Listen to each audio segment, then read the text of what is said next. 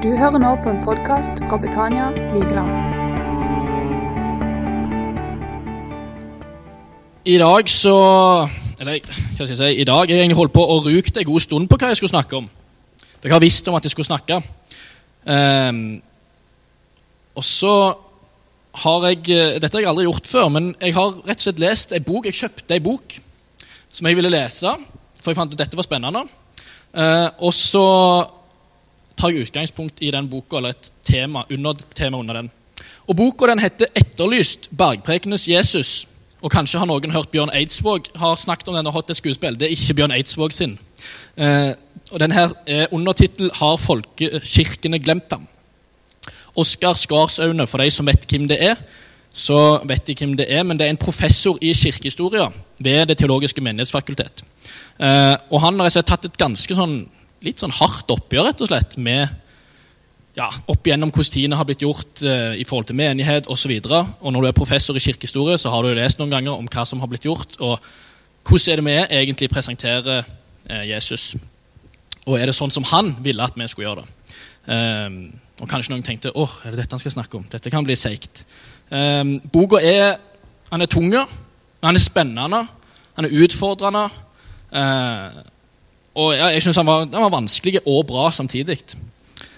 Eh, tar egentlig utgangspunktet i bergpreken, Matteus 5-7, eh, men har veldig mange andre ting han tar med seg i tillegg. Så jeg kommer ikke til å ha en sånn en gjenstødig bare bergpreken, kapittel 5-7, og så tar vi vers for vers. Det kommer til å hoppes litt her og der. Så jeg håper dere er med. Hvis noen har Bibel, så kan det være lurt å ta den med seg opp i hvert fall, av eh, veska, hvis dere har den i veska. For de som har det. Eh, og så litt av hva tittel skulle jeg ha da i dag. fordi jeg kunne sikkert hatt eh, ti forskjellige titler. Jeg kunne hatt ti forskjellige underpunkter som jeg syntes var like spennende. Eh, så fikk jeg bare én, da. Det er jo greit. Eh, og så skal jeg snakke i dag om noe som heter Annerledeskongen. Jesus, Annerledeskongen. Eh, Stian han skal snakke neste søndag om annerledes rike. Eh, så de henger litt i hop. Dere finner litt mer ut av hva vei han velger å gå videre derifra. Eh, men det er annerledeskongen jeg har tenkt å snakke om. Og jeg må innrømme det at jeg synes, For noen er det kanskje gjentagelse i noe av det, at dere har vært borti det før. Men til mer jeg dykte ned i det, til mer som gikk det opp for meg. Det er ganske stort. Det var ganske, egentlig ganske voldsomt, den måten Jesus kom på. Ikke bare litt voldsomt, det var ganske voldsomt. Eh, og det var ikke rart at de fikk den reaksjonen det gjorde, de som var der. Eh, så jeg starter med å be først. Takker deg, Jesus. Takker deg for at vi får lov å samles her. Eh, takker deg for hver enkelt som har kommet inn døra. Ber virkelig om at vi skal lære noe i dag, som jeg har fått lov å lære litt ekstra.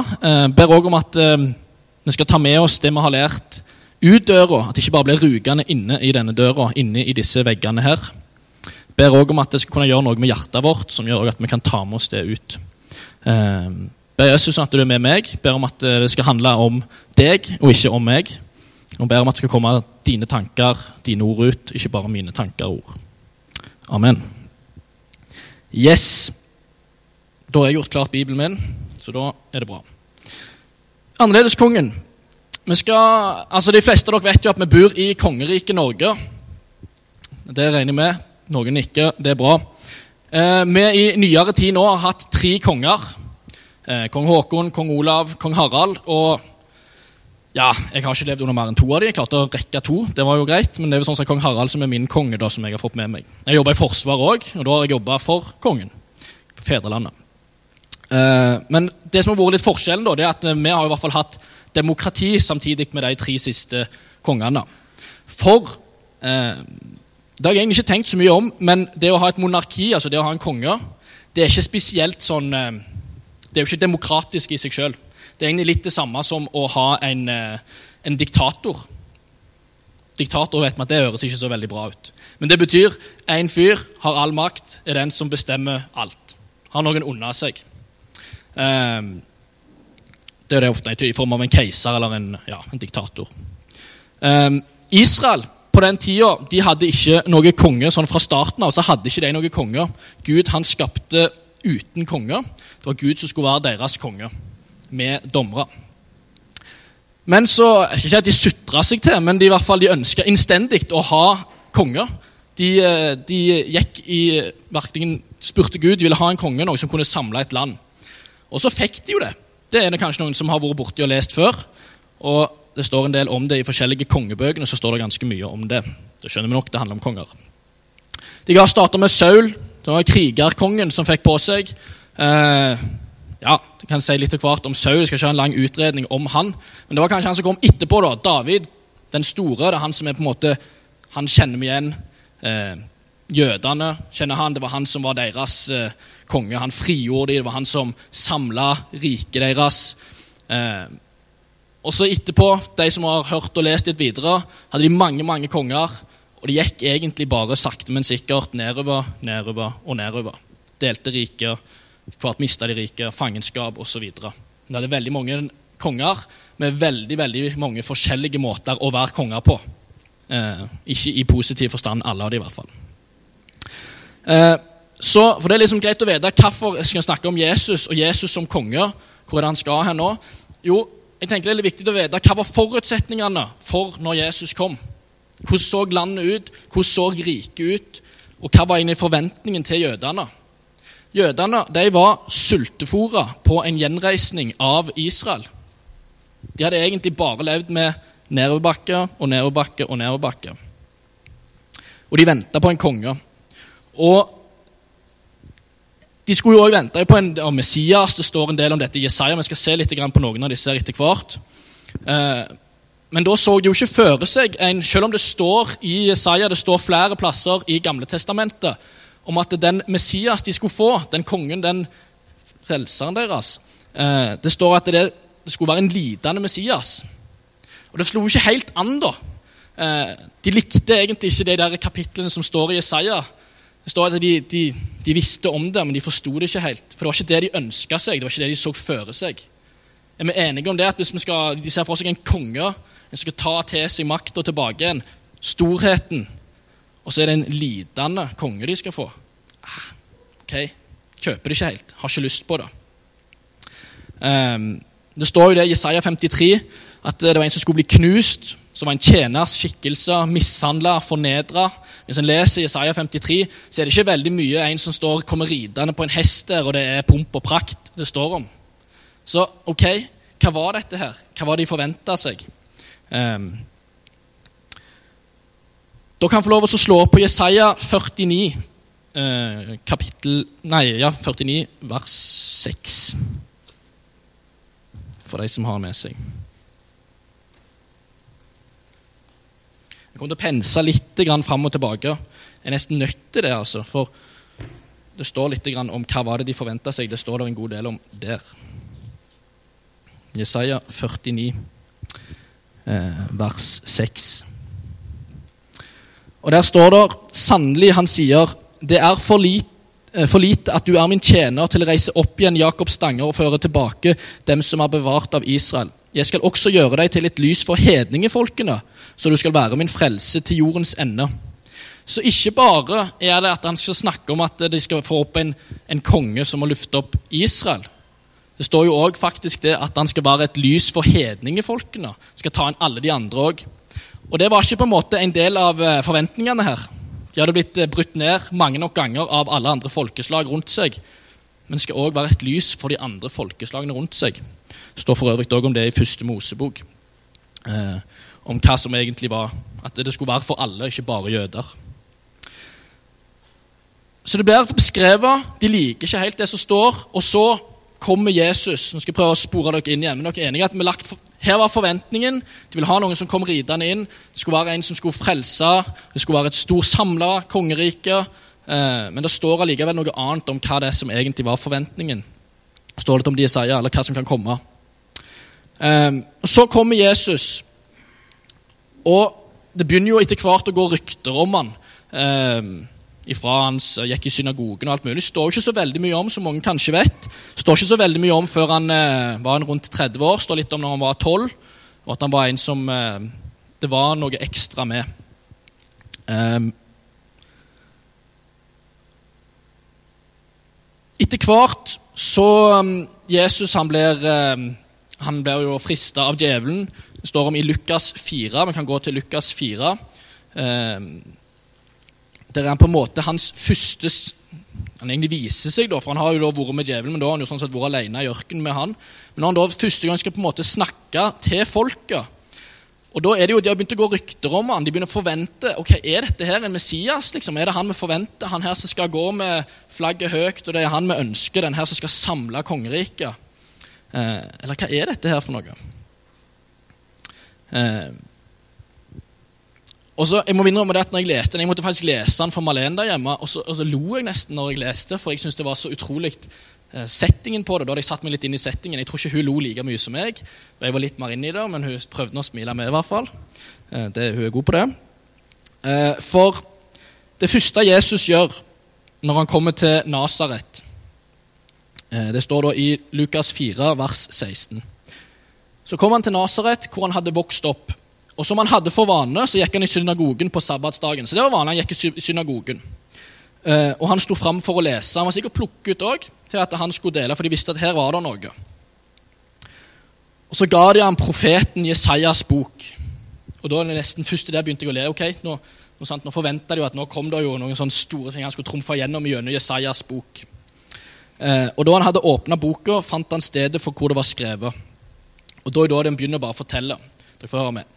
Herrens ånd er over meg, eh, for han har salvet meg til å forkynne evangeliet for de fattige.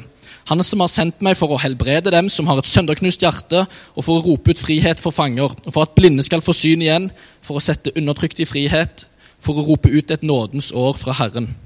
Og så lukker han bare boka. Jeg ser det før meg sånn, i hvert fall. Smalt igjen. Eh, ga han tilbake til tjeneren og satte seg ned. Og alle som var i synagogen, de begynte å stirre på han da. Hva, ok, hva var dette her? Eh, og så begynte han å tale til dem. I dag er dette skriftordet blitt oppfylt for ørene deres.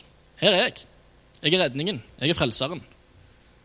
Jeg må innrømme at jeg, jeg syns det er litt, litt, pompøst, rett og slett. Litt, litt eh, Jeg ser ikke for meg noen på Vigeland hadde gjort det på den måten, da, men det var greit, det var jo Jesus, så det er tommel opp for det. men Altså, han var jo litt, var litt høy på seg sjøl. Det var kanskje det første de hadde tenkt. Eller hva var det han egentlig sa nå? Hva var det han egentlig gjorde?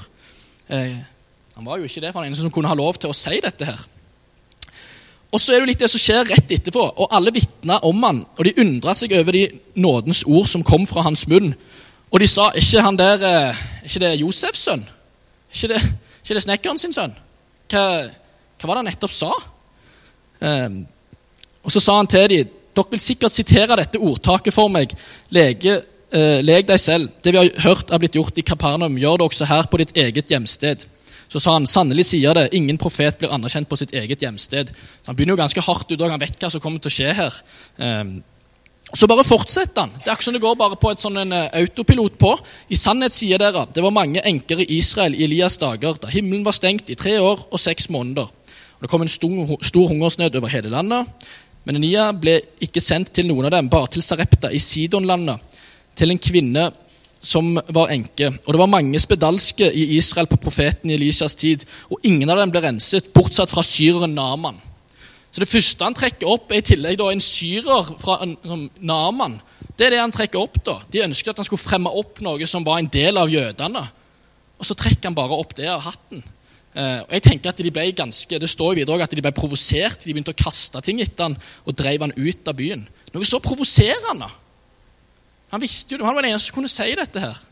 Uh, men det var liksom hans første møte med folket.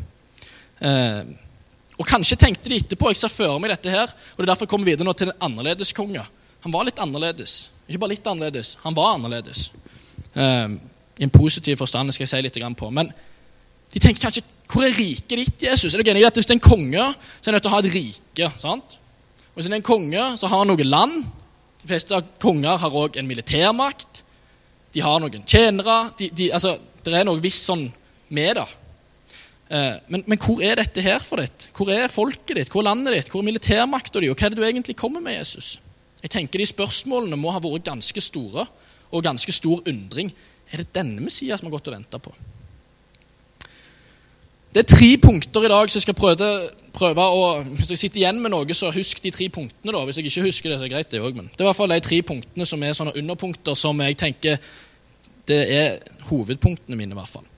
Og Det første er han herska med å tjene. En annerledes konge som herska med å tjene. Er vi enige om det at eh, i hvert fall min oppfatning, at en, en konge hvis vi ser gjennom historisk sett, så er det ikke så mange av de som hersker gjennom å tjene andre. Vi ser litt for oss at de kommer på en bil med flott utstyr. De kommer der, de får tatt imot og på en måte blir opphøya. Eh, det er ikke så mange av de som gjør det med å tjene. Eh, Jesus han gjorde det aldri med å få noe etterpå. Han tjena for å tjene dem. Han gjorde det ikke med bakgrunn for at han skulle få noe i det. Jeg tenker Det går an å være tjene noen, men da har han kanskje en underliggende bakgrunn med at en ønsker å få noe ut av det, hvis en går på dypest sett av det. Jesus hadde en makt på en annen måte med å drive ut ånder. Han kunne stilne stormen, reiste opp døde, spedalske. Jeg mener, Det er jo ganske voldsomme makt han hadde. da. Og Det var jo ikke noen tvil om at han kunne sånn sett ha gjort det på mange andre mulige måter. Han hadde kapasiteten til det, englene sine som han kunne sendt hvis det var det som var behovet. Men det var en annerledes konge som hadde en annen måte å gjøre det på. Eh, og han, eh, For eksempel de disiplene han hadde Han kalte ikke disiplene for sine tjenere.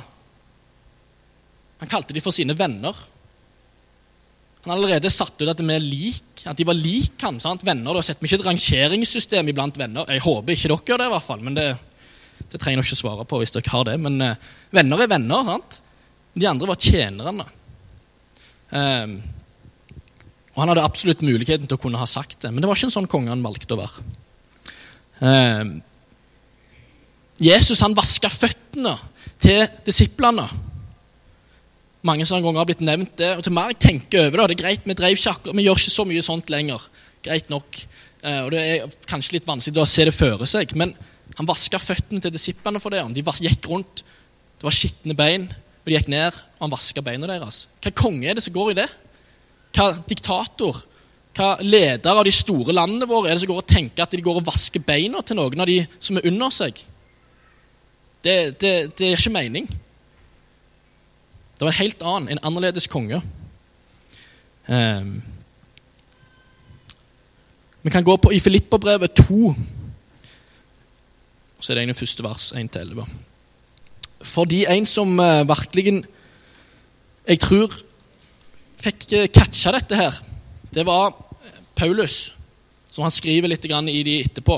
Så nå er vi på en måte forbi, uh, forbi Jesu leve, men vi er videre i Paulus. Og Jeg tror verken han hadde fått erfart dette her, kjent på dette. Og han har i hvert fall skjønt noe. Vi tar og leser. Filipperbrevet 2, 1-11. Derfor, om det er noen trøst i Kristus, om det er noen oppmuntring i kjærligheten, om det er noe samfunn i ånden, om det er noe hjerteslag og barmhjertighet, så gjør min glede fullstendig ved å ha det samme sinnelag og den samme kjærlighet og være ett i sjel og ha det samme sinn. Gjør ikke noe ut fra ønske om egennytte eller lyst til tom ære, men enhver skal med ydmykt sinn anse de andre høyere enn seg selv. Ingen av dere må bare trakte etter det som er best for en selv, men også etter det som gagner andre. La dette sinn være i dere, som også var i Kristus Jesus. Han har altså catcha det. Kristus hadde det. Han som var i Guds skikkelse, holdt ikke for et tilranet gode å være lik Gud, men han uttømte seg selv, tok på seg en tjeners skikkelse og kom i menneskers likhet. Altså Han var lik dem. Og da han i sin framtreden var funnet som et menneske, fornedret han seg selv og ble lydig til døden, ja, til døden på korset. Derfor har også Gud høyt opphøyet ham og gitt ham navnet som er over ethvert navn, for at i Jesu navn skal hvert kne bøye seg, deres som er i den himmelske verden, og dere som er på jorden, og dere som er under jorden, for at hver tunge skal bekjenne at Jesus Kristus er Herre til Gud Faders ære. Det er langt vers, men det er langt kapittel. Det er ganske mye i det. Han hadde virkelig skjønt det, at han har all makt, men han er ikke på den måten hersker. Han hadde et tjeners skikkelse. Eh, det var det ene. Kom til å gå litt tilbake igjen til det senere. Men nummer to Jeg sa jeg hadde tre punkter. Punkt to det er at eh, han er annerledeskonge med at han vant med å tape. Eh, jeg vet ikke hvor eh, jeg må jo passe meg, vet du, for det kan jo være noen som hører dette her, men noen som vet hvor dårlige tapere jeg er. Jeg vet at det er noen blant dere her som vet det. De som spiller fotball med meg, eller som har spilt spill. Jeg prøver jo å Ja, jeg kan si det sånn at Vi spilte Monopol da, en gang eh, hver helg i to år tror jeg, for å lære Magnus å tape. Eh, det var ikke noe la Magnus vinne. Vi jobba med dette her. Og det har blitt slengt noen monopolbrett rundt omkring. for å si det sånt. Og Da måtte jeg stå over. da fikk jeg ikke lov å spille. hvis Jeg ikke kunne oppføre meg. Eh, jeg kunne grine i friminutter hvis jeg hadde tapt i fotball. Jeg har liksom hatt hele linja. Jeg tror jeg er nokså ekstrem i enden av det som var en dårlig taper. Jeg vil tørre å påstå det har blitt litt bedre. Så får de rundt meg var det en som Litt bedre, Kjell Runar. Ja, jeg, trang, jeg, trang, den, kjente jeg.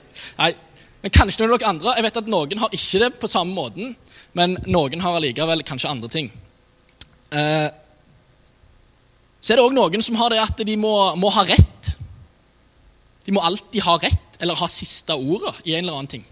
Må alltid, ja, ja, ja, så, så skal liksom bare overvinne den andre i en diskusjon. Kan ikke la den andre få ikke engang få snakke ferdig, men få høre på dens og, og, på en måte si at ja, du har din mening og jeg har min mening. Vi skal helst overvinne den andres mening og belære den andre. Dere trenger ikke ta håndsopprekning hvem som kjenner det er noe som føles i truffen, men jeg har sikkert vært der òg. Men altså, en konge, da. Vært mange forskjellige konger opp igjennom, og i middelalderen og videre. Der det har vært prov på konger som virkelig har behov for sin rett behov for å ikke tape og vinne den trangen som ligger i til å vinne over de andre. En sånn narsissistiske konger, som det heter, som er sånn hard dreven, sånn higen etter å vinne. Og Det handler litt om sin egen stolthet. da. Altså, Hvorfor var det Magnus ble så sur når jeg tapte i fotball? Eller ble så lei meg når jeg tapte i Monopol? Ja, det er fordi min selvverdighet den gikk jo helt i dass. Jeg var ikke verdt noen ting. Det er det det handler om. Det handler jo ikke om, egentlig om spillet. Det var at min verdi var bare rett i bånn. Eh, så jeg prøvde å finne ut at jeg har andre verdier, heldigvis. Så det er jo bra. Det er ikke der han blir gjenspeilt. Men er dere med på det at eh, en konge, skal han tape? Hvis det er noen som har vunnet i VM eller OL, eller det er noe mye VM rundt, så er det plutselig det er konge Johannes med gull, og det er han der Klæbo-gullmesteren altså det er Konge kommer ganske fort når en har vunnet. Det er jo ikke på han på 53.-plass og det står uh, 'han var konge'. Er med på det? det? Det er jo ikke han som er kongen. Han er jo en taper. sant? Konge er litt en som vinner. Så hva var det egentlig Jesus holdt på med? Eh, det kan òg være en overdreven trang til å framheve seg sjøl, være best, være flottest. Noen som kjenner kanskje til det, diktator som har behov for å vise seg rundt med det en har. Penger. Eh, og konger har vært harde tidligere. Og kanskje de diktatorene og de som er rundt oss, er kjent for å ha ei hard hånd. Eh, Peter han, eh, han kommer jo på en måte Jesus til unnsetning når, når han der soldaten kommer og skal kappe, kappe av han øyre Da. Han, eller han kapper av øret på han soldaten, og Jesus bare setter han på igjen og sier han trenger det ikke, han behøver det ikke. Han lar han. Han lar jo seg sjøl egentlig bare tape der, Jesus. Bare ta meg. Det er helt greit. Det er sånn det må være. Han er her konge. Det er Jesus, Messias. Kongen han lar de bare ta han. Han lar seg sjøl tape. Da Peter han var jo på, skulle beskytte. Sant? Dette her, det er jo mesteren vår. Og Jesus Det står jo etter hvert Jesus fra Nasaret, jødenes konge. Og Det er jo klart det er mye i de der ordene som står på det korset som blir hengt opp, som blitt analysert mye. Men det er jo i hvert fall ikke en sånn en konge som jødene ville ha. Sant? Det er jo derfor de gnir litt ekstra inn, bare for å plage litt ekstra, disse jødene. Det står at det er Jesus fra Nasaret, jødenes konge. Og her skal han virkelig tape. Han blir merka som en taper med tornekrone. Han bruker kanskje ikke så mye tornekroner, men det er liksom en liksom-konge. Han tar på seg det. Det er vondt. De kler han av, han naken. De spytter han. De piner han. Eh, det er jo det, det er en måte å bli tatt ned på. Bli gjort til en taper. Og hvem er det som er konge som det, er, da? Til mer jeg leste, tenkte jeg dette her er, er jo en spesiell konge. Annerledes. Eh. Vi kan se i 2. Korinterbrev 8-9.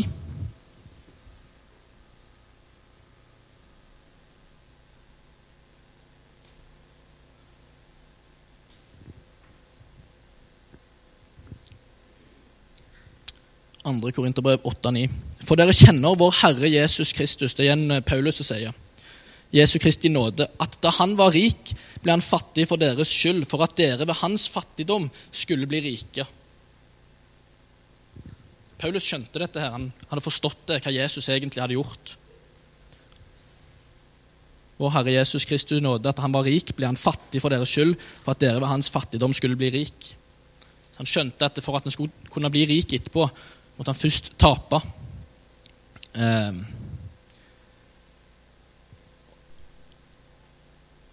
Hvilken konge er det som blir fattige etterpå? Hvilken konge er det som har lyst til å være fattige? Altså, det er veldig sjeldent i seg selv. Konger er som regel prektige som regel. Har mye, kan mye. Har behov for å vise det. Eh, Jesus hadde ikke det. Og Han velger også å ikke svare dem når de holder på å prøve å ta han ut, i forhold til det der med eh, om at en alltid må vise og ha rett. sant? Når de begynte da å spørre han under liksom, Hvem er du? Er du egentlig eh, kongen? Er du Messias? De begynner å kjøre han videre ut da, før de henger han opp på korsfestene. Så kunne han jo svart, men velger å tie. Jeg tenker noen ganger, tenk hvor det klødd til å bare ha hatt lyst til å si og bare slått de ut med de kommentarene han kunne tatt de på. Han var smartere enn de. Han hadde òg alle ordene til rette, men han holder igjen. Han lar det bare være. Jeg tenker det er stort. da. Det er en helt annen, annerledes konge. Helt, jeg måtte, mens jeg tenkte Nå er jo ikke jeg Jesus, heldigvis. Men jeg tenkte hvis jeg hadde vært der, hva, hva, hadde jeg gjort? Hva hadde jeg valgt? Hadde jeg klart å holde igjen? Hadde jeg kjent på den der at jeg hadde lyst til å svare tilbake igjen? Eller hadde jeg latt det bare gå? Og det var jo feil, det de kom og sa òg. De påsto ting som ikke stemte. Så jeg bare Dere sier det dere sier. Dere bør stå for det dere sier. Han slår ikke imot. Det er en annerledes konge. Nummer tre Nummer én, to og tre er som at eh, han herska med å tjene, han vant ved å tape, og han seira med å dø. Eh, Kong Haakon han, eh, den første kongen vår sånn i nyere tid, han, var den første, han sa nei til Nazi-Tyskland når de kom. og sa dette her vil jeg ikke ta del i. Og han abdiserte. Han tok ifra seg makta, lot de bare komme. Eh, og så når han kom tilbake igjen, fem år senere, så tok han tilbake igjen plassen og ble konge. Han tok ikke og ga ifra seg livet sitt og døde. Han ville ikke være med på dette. Han sa ifra seg sin kongeposisjon og fikk lov å ha mulighet til å bli konge seinere. Eh, jeg tror den største trusselen som ligger i oss, eh, er døden. Den ligger der og krimler. Jeg tror ikke nødvendigvis vi går og tenker så daglig på den. Jeg gjør i hvert fall ikke det. Noen kjenner det veldig nært. Noen kjenner det fjernt. Noen har noen som de har opplevd rundt. Og det er litt fascinerende mens jeg leser litt rundt dette her. Så det er jo klart at det, det virker som om dette er noe som òg eh, presser Jesus. Det er, noe, er det det djevelen presser Jesus i?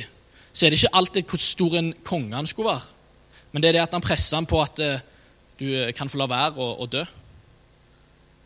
Å lide død for andre. Um, og Da tenker jeg at da er det noe i det.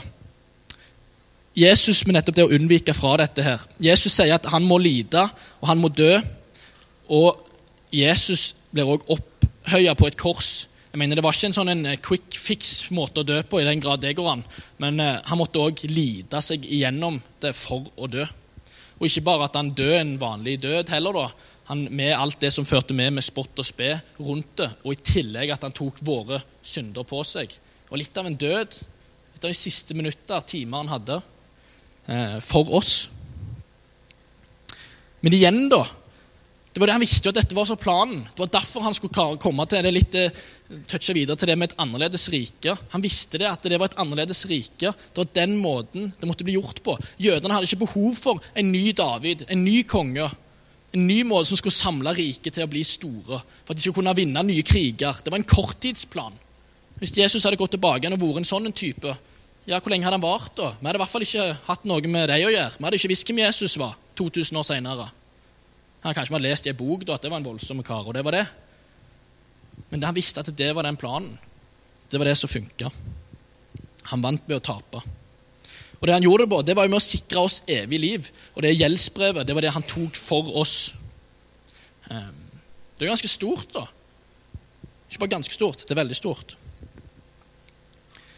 Og hele denne boka her som jeg har lest litt inni her, da ehm, Noen tenker kanskje ok, har dette med folkekirkene, har de glemt den, den etterlyste Jesus? Eh, og hva har blitt gjort opp gjennom, da? Det er så mange eksempler på det vi har virkelig kjørt den stilen som kanskje jødene lengta etter. da. Tvunget på folk kristendommen. Tvunget på folk eh, Du må tenke sånn, du må tro sånn. Eh, var det egentlig det Jesus ønska? Hvis en leser Bergpreken, hvis dere har god tid og lyst, to kapitler, og bare les hva det står der det, Noen ganger tenker jeg det teller, ikke, det teller vel ikke for meg, det som står der. Jeg håper ikke det, for det, det er ganske hardt. Det er ganske voldsomt. Men det er voldsomt i godhet, i kjærlighet. Eh, så det er ikke sånn at dere skal gå rundt og ha dårlig samvittighet. Eh, det er ikke det jeg tror Jesus er der for. Ikke det han har gitt oss, Men den er likevel ganske voldsom, og det står der litt om denne boka her òg. Eh, så det er òg på en måte en tale til, til hvordan drive menighet osv. Så, videre, så det er større bilde på det.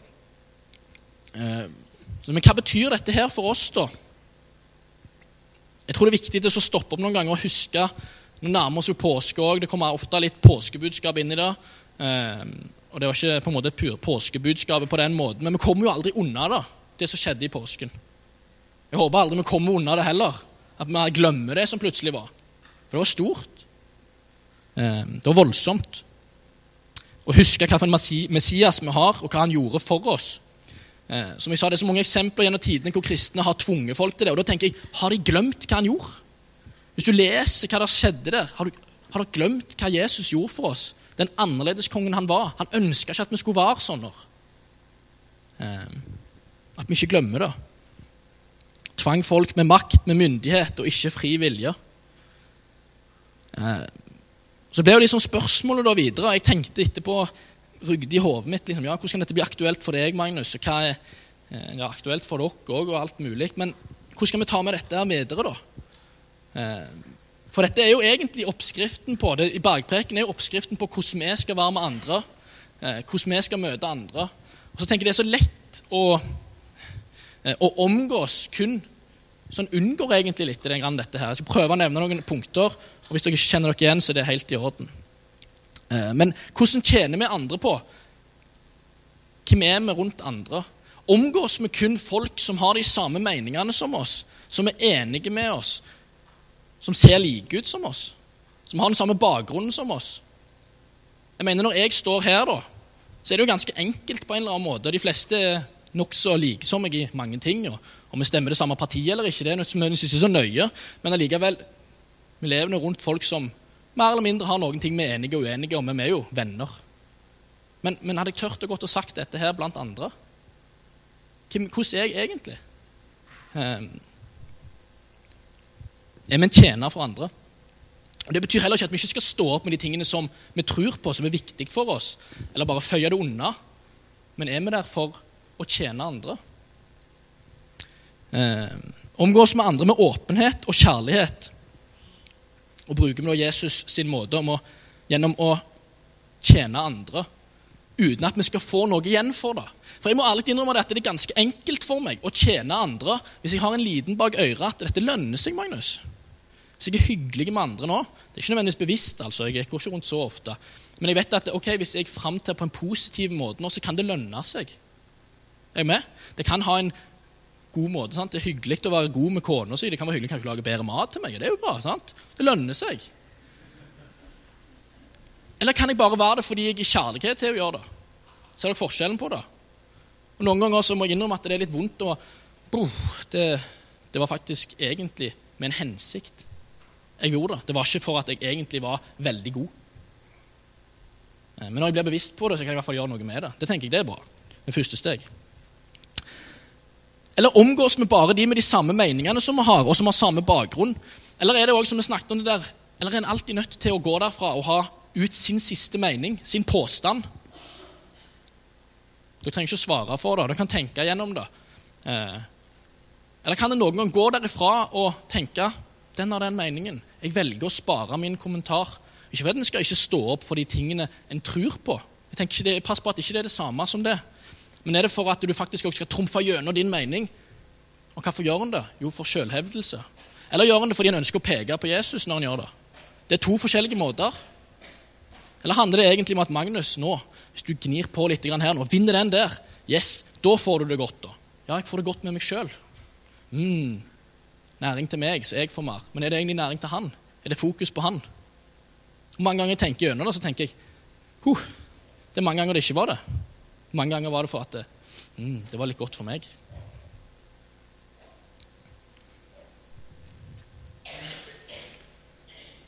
Eh, det er mange ting her, og det er mange ting en kan ta og etterpå tenke hva var dette her? Men bare husk de punktene da, som Jesus gjorde. Jeg tenker Det er det aller viktigste. At jeg ikke sitter igjen med en sånn en dårlig samvittighet etterpå her. Men allikevel bli litt klar over det, bli litt bevisst på hvorfor gjør en det en gjør. Hvorfor er jeg den jeg er? Er jeg den basert på hva andre gjør? Hvem er, hva er den Jesusen jeg tror på? Hvem er han egentlig? Han herska med å tjene. Han vant med å tape. Og han seira med å dø. Um, Lovsangsbandet kan få lov å komme opp og gjøre seg klar. Det går mot en avslutning. Um, jeg tenker det er viktig at vi har det med oss, i hvert fall. Og tenker det. Litt i møte med andre. Fordi det er Noen ganger så er det godt å kunne putte andre folk i noen båser fordi en er litt usikre på dem. Det kan være deres meninger eller deres måte å være på, eh, hvordan de ser ut, hva bakgrunn de har, hva religion de har. For Jesus sier jo det at han er faktisk Gud for alle hele menneskeheten, alle hedninger. Alle. Da er det mange, tenker jeg. Da er det alle vi treffer rundt der, faktisk. Enten du liker det eller ikke. Og Jeg må gjennom selv at jeg syns det kan være vanskelig å forholde seg til. Samtidig, ok, Da må jeg gå inn så må jeg ha min kontakt med Jesus og spørre han, hva tenker du? Hvordan kan jeg løse dette her, Jesus? Kan du være gjennom meg? For Han har jo sagt han er jo med oss alle dager. Han står ikke på egen hånd. Han har gjort dette for oss. Det er jo han som har dødd på korset og gjort det ferdig for oss. Jeg tenker Hvis han har dødd på korset for oss gjennom å herske med å tjene, ok Kan jeg kanskje være på den samme måten? Jeg ønsker jo å være lik Jesus. Det står det jo litt om i Paulus sine brever, om hvordan vi kan være. Eh, så det er en oppfordring, det er en utfordring. Jeg vet at Det er kanskje ikke sånn yeah, kom og kose dere på ryggen-budskap, og nå går dere herfra, og sånt, men jeg håper likevel at dere kan kjenne at, at jeg kjenner et ønske, da, en, en behov for det allikevel, å kunne gjennom Jesus vi peker på han. Hva gjorde han egentlig for meg? Hva gjorde han når han kom til, til verden? Og hva er det jeg har lyst til å bli huska igjen for etterpå òg? Ikke for at jeg skal bli opphøyd, men for at Jesus skal bli det. For at han kan bli for opphøyd. Ehm, det tenker jeg er kjempeviktig at en tenker gjennom det. Så at en ikke bare svinser etter sånn som alle andre gjør, og så ser vi hva det ender opp med. For det er veldig enkelt. Veldig bra.